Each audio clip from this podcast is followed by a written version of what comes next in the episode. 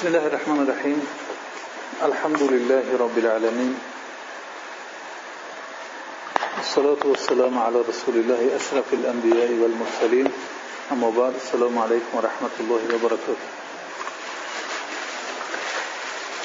امروز به اذن خداوند شروع میکنیم در اطراف سوره عبسه صحبت خود را و حدود 16 آیت این را خواهیم أعوذ بالله من الشیطان الرجیم بسم الله الرحمن الرحیم عبس وتولى أن جاءه الأعمى. وما يدريك لعله يزكى أو يذكر فتنفعه الذكرى. أما من استغنى فأنت له تصدى. وما عليك ألا يزكى وأما من, من جاءك يسعى وهو يخشى فأنت عنه تلهى كلا إنها تذكرة فمن شاء ذكره في صحف مكرمة مرفوعة مطهرة بأيدي سفرة كرام بررة سوره عبسه نام دارد و ترجمه آیت ها چنین است که چهره در هم کشید و روی بیتافت. از اینکه نابینای پیشی او آمد. تو چی میدانی؟ شاید او از آموزش و پرورش تو بهره گیرد و پاک و پاکیزه شود. یا اینکه پند گیرد و اندرز او را سود برساند اما آن کسی که خود را از دین و هدایت آسمانی بینیاز می‌داند تو به او روی میآوری و نسبت به وی احتمام میورزی. هیچ گناهی بر تو نیست اگر او خویشتن را پاک و پاکیزه ندارد. اما کسی که شتابان و مشتاقانه به پیشی تو میآید در حالی که از خدا ترسان است تو از او غافل می‌شوی و به او اعتنا نمی‌کنی. این چنین نیست. این آیات قرآنی مایه پند است.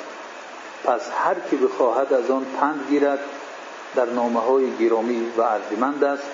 نامه هایی که بلند مرتبه و پاکیزه و در دست سفیران بزرگوار و نیکوکار.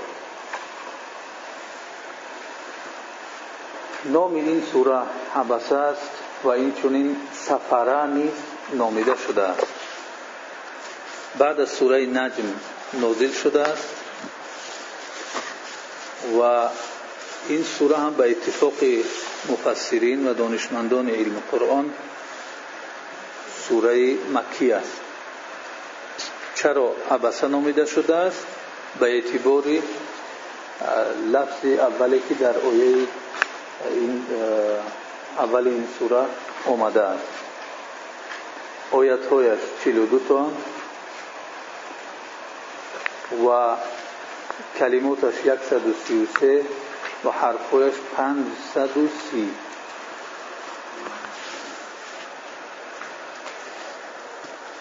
مناسبت این سوره با سوره پیشینه سوره نازیات چه مناسبت و چه علاقمندی دارد در خاطر دارد که در آخر سوره گفتیم که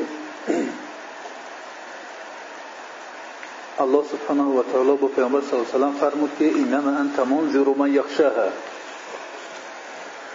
وظیفه تو تنها بیم دادن است کسی را که میترسد و در اینجا شروع می شود در مورد کسی که اون از خدا می ترسد و سوره هم به سبب کسی که از خدا می ترسد نازل شده است. و کسی که می ترسد اون چگونه شخص است در این سوره می در اونجا گفت وظیفه تو بیم دادن است و در اینجا در واقع و در حیات نشان داد که وقتی کسی که می ترسد و کسی که نمی ترسد در نزد رسول صلی الله علیه و سلم است این قصه را الله سبحانه و تعالی برای ما میرساند که چی واقعه شد و چی باید کرد. و این سوره هم مسئله اساسی رو که در نظر دارد تبلیغ رسالت محمد صلی الله علیه وسلم و این چنین اثبات روز آخرت. اثبات روز آخرت و اینکه چگونه انسان برای به این روز رسیدن چگونه انسان باشد.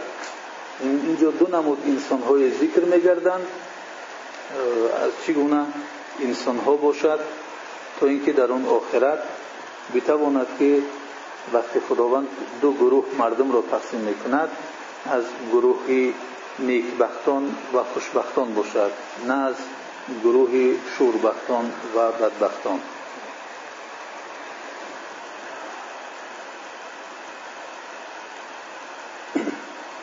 سبب نزول این سوره یا سبب نزول آیت های یک تا دوازدهم از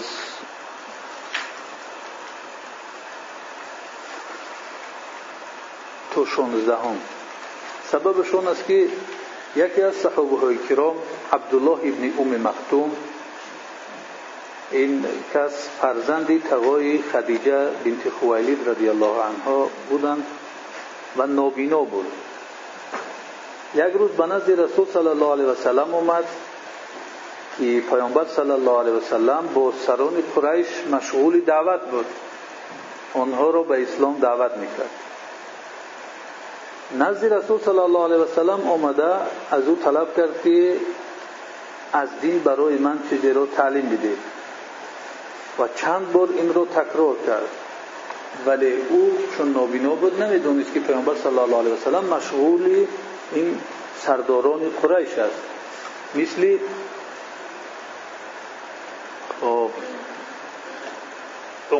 عقبه و شیبه فرزندان ربیعه ابو جهل امیه ابن خلف و ولید ابن مغیره عباس ابن عبدالمطلب اینها کسانی بودند که در نزد رسول صلی الله علیه وسلم ایستاده بودند و در این حالت عبدالله ابن ام مکتوم او را اصرار می‌ورزید که از دین تعلیمش بده ولی رسول الله صلی الله علیه وسلم در این مورد بهتر این رو دانست که من باید مشغول با این سرداران قریش شوم. اینها سرداران و پیشوایان قریش هستند. اگر اینها اسلام را قبول بکنند یعنی کسی که پیرویناست همش اسلام را قبول می‌کند. ولی این مسلمان است. این عبدالله ابن ام مکتوم که نوبینا است و اون که چی نگذرد. این مسلمان است و بعدا این رو هم اون چیزی که طلب دارد می شود تعلیم داد. از این جهت پیامبر صلی الله علیه و وقتی اصرار او رو می‌بیند و بیم آن رو دارد که به سبب این کس ممکن است اونها قهر کرده بروند که تو مشغول شده با این نابینا و ما را مانده گفته. پیامبر صلی الله علیه چهره خود را ترش می‌کند به طرف عبدالله ابن ام مکتوم. شیر خود مونده میگن قواقاش یک کمتر میاندازد و روی میگردوند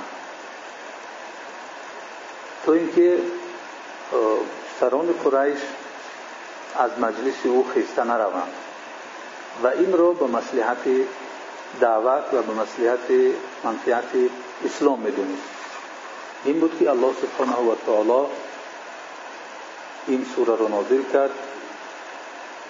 و این یگانه سوره است و یگانه جای است که الله سبحانه و تعالی حبیب خود را محمد صلی الله علیه وسلم را اتحاب فرموده است. عبس و تولا ان جاءه الاعمى. روی ترش کرد و روی گرداند وقتی که به نزد او نابینای اومد. در مورد رسول الله صلی الله علیه وسلم این بسیار سنگین بود. کسی که بهترین مخلوق است و الله سبحانه و تعالی را دوست می داشت ولی برای چی؟ برای یک نفری که به نزد رسول الله صلی الله علیه وسلم اومد با اون مسلمان بود با وجود اینکه عاجز بود نابینا بود ولی به سبب او پیامبر صلی الله علیه وسلم اتاب شد و رسول الله صلی الله علیه وسلم هر وقت بعد از اینکه عبدالله ابن ام مکتوم رو می‌دید که می آمد به نزدش یا به پیش که می در مسجد بود در کجایی بود ریدای خود رو فرش می‌کرد برای او. می‌گفت مرحبا برای با کسی که برای او شده الله سبحانه و تعالی مرا عتاب کرد. و در مدینه دو بار پیامبر صلی الله علیه وسلم در جای خود او را رهبر مدینه تعیین کرده. وقتی خودش به غزوات می‌رفت گذاشته است. این سوره برای ما یک چیز اساسی رو در دعوت نشان می‌دهد که گاه ما گمان می‌کنیم که منطقیت دعوت این است که ما با انسان های ثروتمند و با انسان های منصبدار مشغول شویم. در حالی که اونها به دین اعتبار نمی‌دهند دقت به دین نمی‌دهند. آنها پروای دین و دینداری ندارند. اینجا بود که الله سبحانه و تعالی یعنی پیامبر صلی الله علیه و رو اتاب فرمود و این درسی بود که پیامبر صلی الله علیه و دیگر این کار رو نکرد و مؤمن هم باید از این درس پند بگیرند. مخصوصا ما که می‌خواهیم دین خدا را برسانیم برای مردم ببینیم که آن چیزهایی که در زندگی میگذرد باید در اساس میزان آسمانی میزان الله سبحانه و تعالی تعیین نموده بگذرد. نه در اساس اون میزانی که ما اون را خود گذاشته گمان می‌کنیم که اگر این خیل شد این خیل می‌شود. پیش از این که این ترازوی خود را بگذاریم مسئله را حل کنیم ترازوی الهی را ببینیم که اون چگونه می‌خواهد. عبس و تولى ان جاءه الاعمى چهره خود را در هم کشید و روی گرداند. یعنی پیامبر صلی الله علیه وسلم ان جاءه الاعمى که به نزد او یک نابینای اومد. و ما یدریک لعله یزکه. تو از کجا می‌دونی شاید که اون پاک می شود اون پند می‌گیرد و پاک می شود او یذکر فتنفعه ذکر فتنفعه الذکر. یا اینکه پند می‌گیرد و این پند گرفتن برای او منفعت میبخشد. اما من استغنى. اما کسی که بینیازی ورزیده است میگه که من محتاجی تو نیستم محتاجی دینی تو نیستم. فانت له تصدق تو مشغول او هستی. تو با او قطعی مشغول هستی. و ما علیک الا یزکه. و برگردن تو نیست بر عهده تو نیست اگر که آنها پاک نشوند. اون کافران و مشرکان یا اون کسانی که ثروتمند و پولدار هستند دنیادار هستند اینها اگر که پاک نشوند بر عهده تو یگون مسئولیتی نیست تو پرسیده نمی‌شوی از اون وظیفه تو تبلیغ بود تبلیغ رو رسوندی قبول کردن قبول کردن. قبول نکردن دیگر آنچه که بر عهدت بود ادا و اما من جاءک یسعى و اما کسی که به نزد تو میآید شتابان شتاب کردن میاد مشتاقانه میآید. و هو یخشى و اون میترسد از خدا. فانت عنه تلهى پس تو از او مشغول می‌شوی به دیگران. ببینید الله سبحانه و تعالی چگونه به حبیبش میگه که فانت عنه تلهى تو از او مشغول می‌شوی. تلهی لهو از مشغول شدن به چیزی دیگر است. عنه که اومد به چیزی دیگر مشغول شدن است. یعنی پیامبر صلی الله علیه وسلم رو این گونه خطاب می‌کند که فانت عنه تلهى کلا انها تذکره خب در این آیت های پیشی نظر بکنیم. آمد که عبس و تولا روی ترش کرد و روی گردان. و اینجا آمد که فانت عنه یا که ما علیک الا یزکه یا و اما من جاءک یسعى. اینجا در اول خطاب با یک کسی غایب می شود روی گرداند نگفت که روی گرداندی و نگفت که روی ترش کردی و روی گرداندی. ولیکن در آیت های بعدی میاد که پس تو از آن مش... چی؟ به دیگران مشغول شدی. برای چی در اول عبست و تولیت نگو؟ یعنی تو روی ترش کردی و روی گردانیدی. زیرا که الله سبحانه و تعالی چیزی که گفتیم پیامبر صلی الله علیه و رو دوست می داشت و از این جهت این عتابی که آمد عتاب را نخواست که به تمام شدت برای او باشد. گویا که یک کسی که غایب است در باره کسی که غایب است در باره او سخن رفته استوده است. روی ترش کرد و روی گرداند. اینجا ما داریم انسانی که سخنگو هست انسانی که در خطاب قرار دارد رو برو تو می‌گوییم و کسی که نیست و یا او. خب وقتی که پیامبر صلی الله علیه و سلم در باره کسی که در مقابلش هست الله سبحانه و تعالی کسی که در مقابلش است پیامبر صلی الله علیه و سلم سخن می‌گوید او را گویا که یک شخصی سیوم است کسی که مثلا در عربی هم هست. انا انت هو خلاص خب شخصی سیوم یعنی شخصی غایب را استفاده برد برای که همون عتابش کمتر ملایمتر بیاید. ولی به هر حال بعدی که اینجا گفت فانت عنه تلهی کلا این کلا کلمه سرزنش کلمه رد است که این چنین نیست این پند است. این قرآن پند است فمن شاء ذکره. پس کسی خواست از اون پند می‌گیرد. و این قرآن کلامی است که فی صحف مکرمه در ورقهای بسیار ارزشمند و گرامی مرفوعت مطهره بلند مرتبه و بلند مقام و پاک نوشته شده است. بی ایدی سفره به دستان ملائکه که آنها سفره هستند. کرام برره آنها بسیار ارزشمند و نیک هستند. در اینجا چگونه ای که گفتیم؟ مسئله ای که مطرح می شود مسئله دعوت است و یگانه جایی است که الله سبحانه و تعالی پیامبرش را سرزنش کرده است و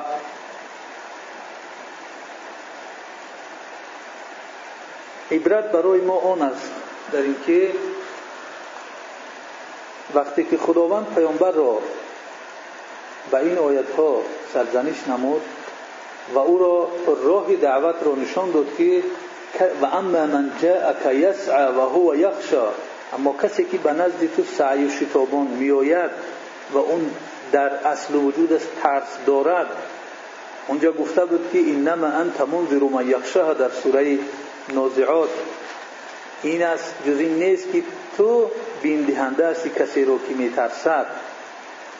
یعنی این قرآن و این دعوت اصلا سود به کسی میبخشد و باید با کسی مشغول, مشغول شد که اون اصلا ترسی از خدا دارد.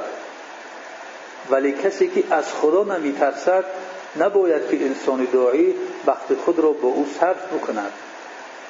و این نقطه رو فهمیدین یعنی کسی که از خدا نمیترسد ما نباید که برای منصب او برای مال او شده وقتی خود رو صرف بکنیم در اطراف او باشیم. بلکه کسی که دین رو می‌خواهد کسی که از خدا میترسد باید که ما وقت خود رو و این دعوت خود رو با او بگذرانیم. مسئله دیگر که اینجا باید ما با اون احتمام بتیم این است که و ما یدریک لعله یزکه تو از کجا می‌دونید که شاید که اون پاک شود؟ او یذکر فتنفعه الذکرا یا اینکه پند بگیرد و این پند برای او سود بدهد فایده برساند منفعت برساند. گپ درباره یکی از صحابی های رسول صلی الله علیه و سلم رفته شده است. این صحابی کرام در مکه ایمان آورده است.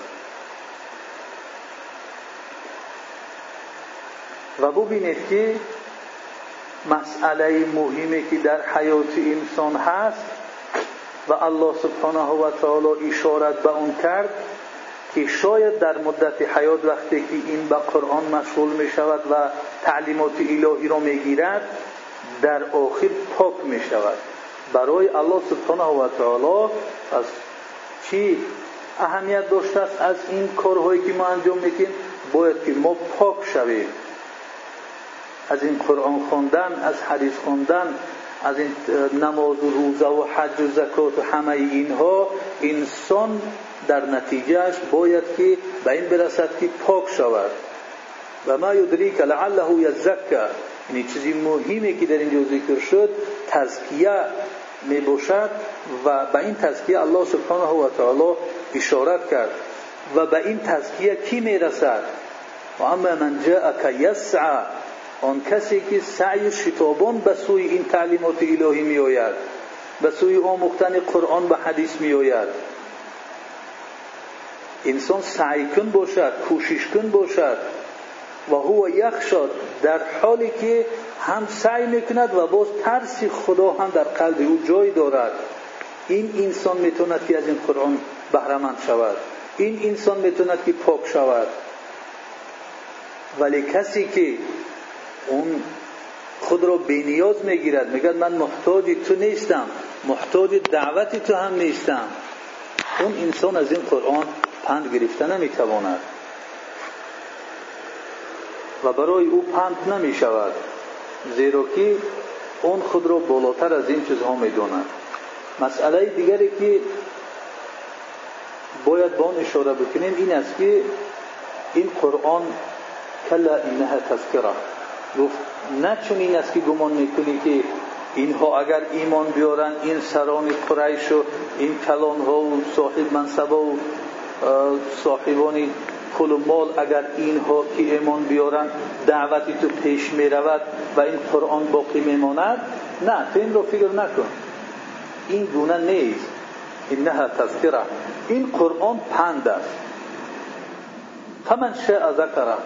کسی که خواست آن را چکار می‌کند؟ از اون پند می‌گیرد. پس اینجا اطمینان دادن است برای اون که این قرآن از بین نمی رود یک و دومش این که وقتی که دعوت می‌کنی باید با این صورت ما متوقع نباشیم که حتما آن کسی که دعوت می شود باید که قبول بکند و پاک بشود. وظیفه ما رساندن تعلیمات الهی است ولی پاک شدن نشدن دیگر اون در مسئولیت خود این او انسان است. این قرآن قرآن نیست که اونها بتوانند وقتی که تعلیمات تعلیمات الهی را نگرفتند این قرآن گویا از بین می‌رفته باشد یا منزلت مقام خودش کم پس نشده باشد؟ نه. این قرآن قرآنی است که دست کسی به آن نمی‌رسد و کسی تحریف و تبدیل در آن کرده نمی‌تواند و قیمت آن را پایین آورده نمی‌تواند. زیرا که این کتاب پند است در فی صحف مکرمه. در صحیفه هایی که آنها بسیار مکرم و معزز و با ارزش هستند و مرفوعت مطهره. آن صحیفه هایی که آنها والا و بلند و پاک هستند نوشته شده است و با دست ملائک سفره. یکی از گروه ملائکه ها با صفت سفره همچون سفیران شاید نام برده می شوند که در یکی از حدیث آمده است کسی که قرآن رو می‌خواند راوی این حدیث مادرمون عایشه رضی الله عنها است مادر مؤمنان می‌گوید که کسی که قرآن رو روان می‌خواند یعنی به یگان مشکلی اون رو می‌خواند اون با همراهی چی است؟ ملائکه سفره است. با همین ملائکه های سفیر آورنده قرآن و نویسنده قرآن است. ولیکن کسی که قرآن را می‌خواند و اون قرآن خواندن برای او مشقت بار است. وقتی خوندن بسیار عذاب می‌کشد مشقت است برای او خواندن قرآن. تو این حرف با حرف دیگر این کلمه را با کلمه دیگر جنگ میدازد برای او خواندن قرآن مشقت است برای او دو اجر است. کسی که روان و شیوا می‌خوند قرآن می‌رود برای او مقامی هست که با همراهی ملائکه سفره است و کسی که با مشکلات قرآن رو می‌خواند برای او دو اجر است. یکی اجری چی؟ اجری خوندن قرآن یکی اجری اون مشقتی که با وجود اینکه مشقت برای او هست اون قرآن رو می‌خواند. پس از اینجا برمی آید که اون میزانی را که ما گاه در حیات خود قرار می‌دهیم و چیزها رو میسنجیم. گفتیم که شاید برای دعوت منفعت این بیشتر باشد که اگر یک ثروتمند و اگر یک منصبدار ایمان بیارد و دین خدا پیش می رود برای دین خدا این منفعت ناکتر است. این میزانی هست که ما گذاشتیم. این را خوب در نظر بگیرید ولی الله سبحانه و تعالی این میزان را قبول نکرد و میزان دیگری را فرستاد که آن میزان میزان الهی است. باید تو مشغول با کسی باشی که آن اصلا در طلب این تعلیمات هست در قلب او ترس است. به این انسانی که اون خودش درخواست کننده هست باید که با این مردم تو مشغول باشی. پس ما هم در حیات خود در همه گوشه حیات خود باید که این تعلیمات الهی را جامعه عمل بپوشانیم. چون که رسول الله صلی الله علیه وسلم بعد از این هر کاری که انجام دیگر می‌داد در اساس همین تعلیمات و میزان الهی بود. و نه تنها در این چیزی دعوت بلکه معاملاتی که در انسان در حیات انسان می شود در اساس اون تعلیمات و میزانی که خداوند گذاشته است در اساس اون میزان باید باشد. اگر در اساس اون میزان قرار نگیرید در فکر و اندیشه خود انسان قرار گرفت ببینید که حتی مثال آورده بودیم که گاه انسان غیبت می‌کند بعد میگه که صفتش شود. این میزان انسانی هست. ولی الله سبحانه و تعالی اون رو غیبت نامیده است. هر حرفی که درباره کسی گفته می‌شد که او با همراهی تو نیست. در غیبت یعنی دور غایب از شما واقع است و سخنانی که در برای او گفته می شود از اونها راضی نیست. اگر بشنود خفه می شود غمگین می شود خسته می شود از اون سخنها این گپ ها غیبت هستند. صد اگر اونها را که صفت بگو یا که تعریف بگوی چی وصف دیگر بکنی ولی در میزان الهی آنها غیبت هستند. آنها به صفت تبدیل نمییابند. برای همین انسان نباید که با هر نمود میزانهای زمینی حیات خود را به ارزش بکند بلکه الله سبحانه و تعالی بهترین میزانهایی را گذاشته است که ببینید وقتی که در اینجا مقایسه می‌کنید دو طایفه دو گروه مردم در پیش رسول صلی الله علیه و سلم هستند.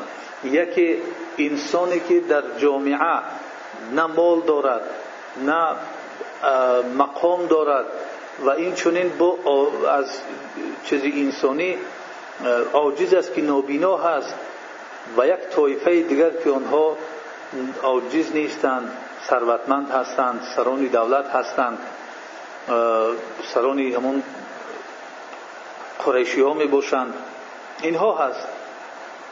ولی میزان الهی گفت که باید تو به این نفر مشغول می شدی و این کاری که این رو واگذاشتی و با اونها مشغول شدی این کار خوبی نیست و میزان الهی قبول دارد که با اینها باید سر و کار نه با کسانی که آنها اصلا در پی قرآن نیستند پروای قرآن ندارند این را قبول ندارند زیرا آنها با قبول نکردنشان به این دین تأثیر منفی رسونده نمی‌توانند زیرا حفظ این دین در دست الله سبحانه و تعالی است.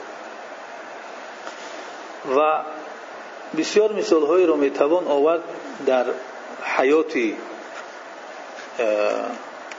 پیامبر صلی الله علیه وسلم حیات صحابه کرام که همه آنها گرفته شده است از میزان الهی و گذاشتند آن میزانی را که برای میزان زمینی بود ترازوهای زمینی که این انسان ها با ارزش های زمینی آنها را چین می‌کردند. چگونه که بدیل در یکی از بیت هایش می‌گوید امروز قدری هر کس مقدار مال و جاه است. آدم نمی‌توان گفت آن را که خر نباشد. خب میرزا عبدالقادر بدیل چند عصر پیش و در اساس این گفته ها میزان در رشته نظم در آورد امروز قدر هر کس مقدار مال و جاه است. یعنی قدر منزلت انسان ها در اون روزی که وصف می‌کند میرزا عبدالقادر بدیل رحمه الله این است که مردم این میزان قرار دادن. پول داری وظیفه داری خب صاحب قدر و انسانت میشمارند امروز قدر هر کس مقدار مال و جاه است میگه بسیار انسان با آبرو انسان بسیار در جامعه پیشرفته است. که ببینید هم مال دارد هم منصب دارد. و بعدا تعلیق می‌کند به میزان الهی او را می‌زند که آدم نمی‌توان گفت آن را که خر نباشد. یعنی تا انسان به درجه خری نرسد که یعنی اون دیگر عقل ندارد که حلال از حرام فرق نمی‌کند عدالت رو از ظلم فرق نمی‌کند. اون دیگر عقل انسانی ندارد. انسان به این درجه که رسید دیگر حلال و حرام فرق نکرد. ظلم و ستم از عدل و انصاف فرق نکرد. اون وقت بعد اون را اونها آدمش می‌خونند در اصل اون از دایره انسانی برآمده است. و در جای دیگری هم این مسئله را می‌گوید که من از بیقدری خاری سری دیوار دانستم که ناکس کس نمیگردد از این بالا نشستن ها. در سری دیوار خاری را می‌بیند وقتی که در سری دیوار هم استادگی است همون خار خار است.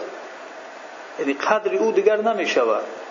او را با بالا برآوردن با صاحب پول و مال و با منصب ها دادن از او یک شخصی با قیمت با ارزش ساخته نمی‌شود. من از بیقدری خاری سری دیوار میگه دانستم که ناکس کس نمیگردد از این بالا نشستن ها اگر چقدر بالاش بری چقدر بالاش بشنونی ولی اون ناکس کس نمی‌شود. اون ناکس همون ناکس است. اون خار در او بلندیش که برآوردن باید یگان قیمت حاصل می‌کرد.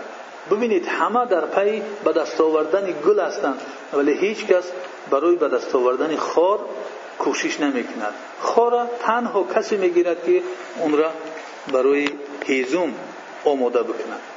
ولی برای منفعت برای از او خوش شدن همچون بوی و همچون دیدارش همچون او را در دست گرفتن از اون خار خوش نمی شود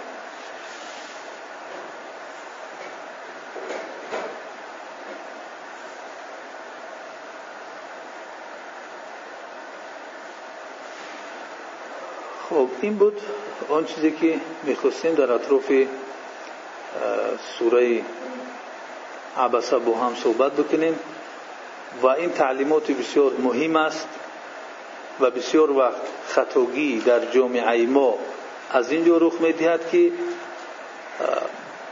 دعوت خود را راه دین خود را در اساس میزان و ترازوها و چیزهای برمیکشیدگی زمینی به عمل میبرارند که بسیار خطاگی ها رخ می‌دهد. ولی ما نباید که این چیزی پاک و به آلایش را با ارزش های زمینی عملی نماییم و به مردم برسونیم بلکه با آن صورتی که الله سبحانه و تعالی خواسته است با اون صورت این رو به مردم برسونیم. و این دین ما محتاج به کسی نیست بلکه همه محتاج این دین هستند. محتاج هستند که در این پیره بروند اگر کسی از این پیره بیرون رفت اون اولین کسی که ظلم کرده است خودش رو ظلم کرده است. زیرا که خودش را از دایره انسانیت از دایره مروعت از دایره عدل و انصاف از دایره عقل و خیرت از همه دایره ها بیرون کشیده است. که ببینید الله سبحانه و تعالی برای یک نفر عادی که در جامعه هست قیمت می‌گذارد بالاتر از کسانی که آنها در جامعه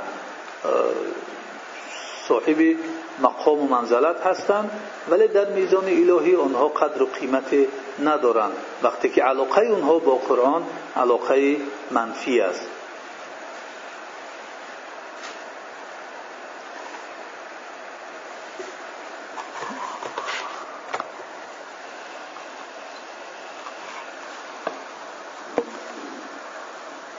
اگر یگان سوالی باشد مرحمت